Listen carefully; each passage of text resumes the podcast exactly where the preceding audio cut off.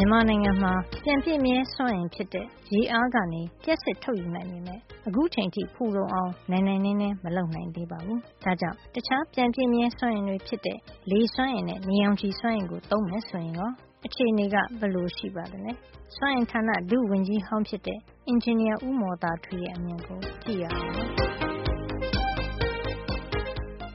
အဲဒီမှာ နှစ်ပိုင်းရှိပါတယ်။ဘယ်လိုနှစ်ပိုင်းရှိသလဲဆိုတော့ ပြန်ပြည့်မြဲစွမ်းအင်က အလကားရတယ်။နောက်တခါ လူတွေ စရိတ်သက်သာမယ်ပေါ့ဗျာ။အလကားရတယ်ဆိုကတည်းက ကုန်ကြမ်းမဝယ်ရတော့ဘူးဆိုကတည်းက ကုန်ကြမ်းအတွက်ကို ဘယ်နိုင်ငံကိုမှမျက်နှာကြည့်စရာမလိုဘူး။ကိုယ့်နိုင်ငံမှာ သူ့ဟာသူလာနေတဲ့ နေရောင်ခြည်၊သူ့ဟာသူလာနေတဲ့ လေကိုကျနော်တို့သုံးတာဆိုတော့ ဒါက အလွန်သုံးသင့်ပါတယ်။ဒါပေမဲ့ ဈေးနှုန်းက ပြဿနာစတာပဲ။ကျနော်တို့နိုင်ငံမှာ နံပတ်တစ်ဆုံးစပြဿနာတက်မှာက ဈေးနှုန်းပဲ။ဘာကြောင့် ဈေးနှုန်းမှာ ပြဿနာတွေ ဖြစ်လာတာပါလဲ။အခု ကျနော်တို့နိုင်ငံမှာ ပတ်ဝန်းကျင်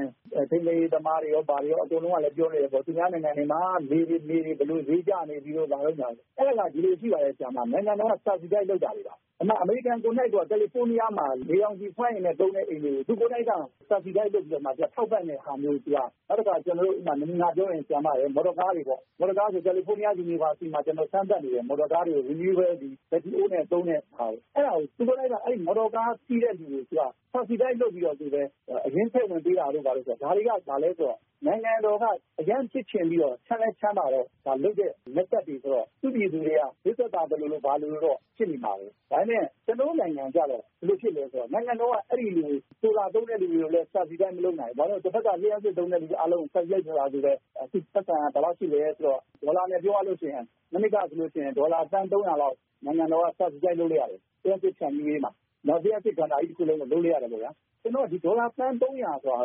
အိမ်ထောင်စုပေါင်း သန်း လောက်ကို ကျနော်တို့က ဆိုလာကို အကောင်းဆုံး အိမ်ထောင်စုပေါင်း သန်းနည်းတာ မဟုတ်ဘူး။ဒေါ်လာ သန်းရှိလို့ရှိရင် အိမ်ထောင်စုကို ရွှေချလို့ရတယ်။ဒါတွေ ကျနော်တို့ မလုပ်နိုင်တော့ဘူး။ဘာဖြစ်လို့လဲဆိုတော့ တဘက်က တအားရှုံးနေတာကို။တဘက်က တအား subsidize လုပ်နေရတာ။ပြန်ပြည့်မြဲစွမ်းအင်ထဲက နေရောင်ခြည်ကိုသုံးတဲ့ ဆိုလာစွမ်းအင်အတွက် ထုတ်လုပ်တဲ့စရိတ်က သိပ်မသေးလှဘူးလို့လည်း ပြောပါတယ်။အဲဒီမှာ လူတွေက ပြောတာက ဆိုလာဆိုရင် သူများနိုင်ငံမှာဈေးကြီးတယ်။မကျပါဘူး။ကျနော်တို့နိုင်ငံမှာ အခု မင်းဘူးမှာတည်တဲ့ဟာ ရှိပါတယ်။မင်းဘူးမှာ တည်တဲ့ဟာဆိုရင် တယူနစ်ကိုဆင့်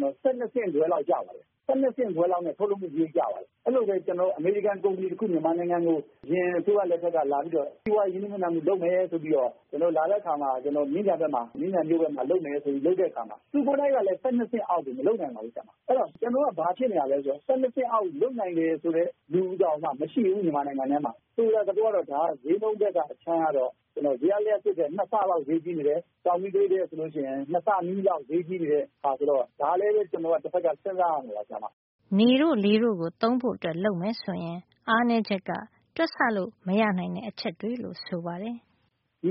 ဆိုလာတို့ wind တို့ဆိုတာ ကျနော်တို့က ကိုယ့် control အောက်မှာ မရှိဘူး။ကိုယ့် control အောက်မှာ မရှိဘူးဆိုတာ ရှိတယ်။ဒါပေမဲ့ သူတို့ရဲ့ capacity တွေ ရှိသေးတယ်။ capacity factor တနှစ်လုံးဆိုရင် ကျနော်တို့က ဆိုလာဆိုရင်ရာခိုင်နှုန်းလောက် တနှစ်လုံးရဲ့ ရှိတဲ့ နာရီအားလုံးရဲ့ရာခိုင်နှုန်းလောက်ကို သူက သူ့သဘော သူဆောင်တယ်။ကျနော်တို့ လုပ်လို့မရဘူး။အဲဒီလိုပဲ wind ဆိုတာလဲကျနော်တို့က ရာခိုင်နှုန်းကနေ တနှစ်လုံးရဲ့နာရီရှိလို့ရှိရင် အဲဒီနာရီရဲ့နဲ့ရာခိုင်နှုန်းကြားထဲလောက်မှာ wind ကလည်း သူ့သဘောသူဆောင်တယ်။အဲဒီတော့ ဘာဖြစ်လဲဆိုတော့ သူ့သဘောသူဆောင်ပြီးတော့ လာရင်လည်းလာမယ်။လင်းရင်လည်းလင်းမယ်ဆိုတဲ့ဟာက အမာခံထားလို့ မရဘူး နိုင်ငံတိုင်းမှာ။ အမာခံထားလို့ရတာ ကိုယ့်ရဲ့ စီမံခန့်ခွဲမှု manageable scale ထဲမှာရှိတဲ့ အမာခံထားလို့ရတဲ့ စက်တွေကို အမာခံထားပြီးတော့မှ လိုအပ်တဲ့ အချိုးအစားတခုလောက်နဲ့အခုနပြောတဲ့ သဘာဝပတ်ဝန်းကျင် မထိခိုက်စေသော လေတို့ နေတို့ စသဖြင့်ကိုထိုက်သင့်တာလောက်တော့ သုံးသင့်တယ်။ဘာလို့ သုံးသင့်သလဲဆိုတော့ ပိုက်ဆံနည်းနည်း ပိုရင် ပိုပါစေ သဘာဝပတ်ဝန်းကျင် ထိခိုက်မှုနည်းလို့ သုံးတယ်ဆိုတာကလည်းသဘာဝကျပါတယ်။ဒါပေမဲ့အဲဒီလိုမျိုးလုပ်ဖို့ပဲ သင့်ပါတယ်။နိုင်ငံအများအပြားမှာ ပြန်ပြည့်မြဲစွမ်းအင်ကို ဘယ်လိုပုံစံနဲ့ သုံးနေကြပါသလဲ။ အမေရိကန်မှာလည်း ရာခိုင်နှုန်းရာခိုင်နှုန်းနဲ့ ပိုပြီးတော့မှလေတို့ နေတို့ မသုံးပါဘူး။တရုတ်နိုင်ငံမှာလည်းရာခိုင်နှုန်းထက်ပိုမသုံးပါဘူး။ဘယ်နိုင်ငံမှာလဲကျနော်သိတဲ့ ဖွံ့ဖြိုးတဲ့ နိုင်ငံကြီးတွေမှာ အဲဒီလောက်ကြီး မသုံးပါဘူး။သုံးလို့ရှိရင်လဲဘာပြဿနာတက်မှာလဲဆိုတော့ သူ့ပြည်သူကဓါတ်အားခဈေးနှုန်း ဈေးကြီးမှာ သေချာပါတယ်။အဲဒီတော့ သူ့နိုင်ငံတအားချမ်းသာရင်တော့သုံးရင်သုံးမယ်။ဒါပေမဲ့ အဲဒီလိုသုံးတဲ့ နိုင်ငံတွေက ဘာဘာထည့်ပြီးတော့ လုပ်ရမလဲဆိုတော့ အဲဒီလို ဆိုလာတို့ wind တို့က မတည်ငြိမ်တဲ့ဓါတ်အားကို ပေးနေတဲ့အတွက်ကြောင့်မို့ သူသည် တည်ငြိမ်တဲ့ဓါတ်အားကို သူများနိုင်ငံနဲ့ နယ်စပ်ဖြတ်ကျော် ဓါတ်အားလိုင်းသွယ်ပြီးတော့ သူကအချိန်မရွေး စက္ကန့်တိုင်း စက္ကန့်တိုင်းမှာ ဓါတ်အားအဝယ်အရောင်း လုပ်ထားပြီးတော့မှ မတည်ငြိမ်တဲ့အချိန်မှာ သူက ဝယ်သုံးပါတယ်။အဲလိုမျိုး communicate လုပ်လိုက်တဲ့အခါကျတော့ သူ့နိုင်ငံထဲမှာ ကြည့်လိုက်ရင်တော့ တပ်ဆင်စက်အင်အားတွေဟာလေတို့လေတို့တွေ များချင်များနေမယ်။တခြားကိစ္စတွေ နည်းချင်နည်းနေမယ်။ဒါပေမဲ့ သူတပ်မထားသော သူများနိုင်ငံက ဝယ်သုံးတဲ့ ဓါတ်အားတွေ သူဝယ်သုံးနေတယ်ဆိုတာကိုတော့ သူတို့ မြှုပ်ထားကြတယ်။ဥပမာဒိန်းမတ်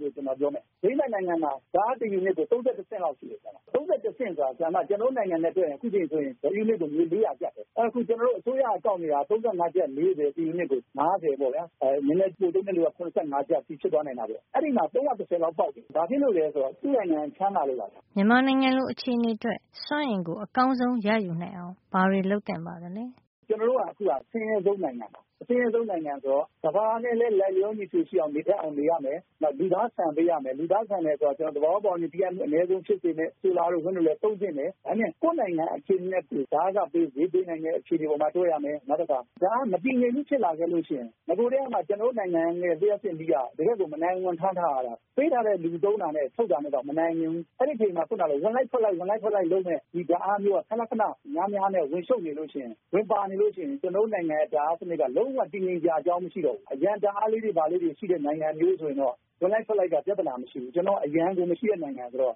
မရှိ ရှိတာပဲ သုံးမယ်ဆိုရင်တော့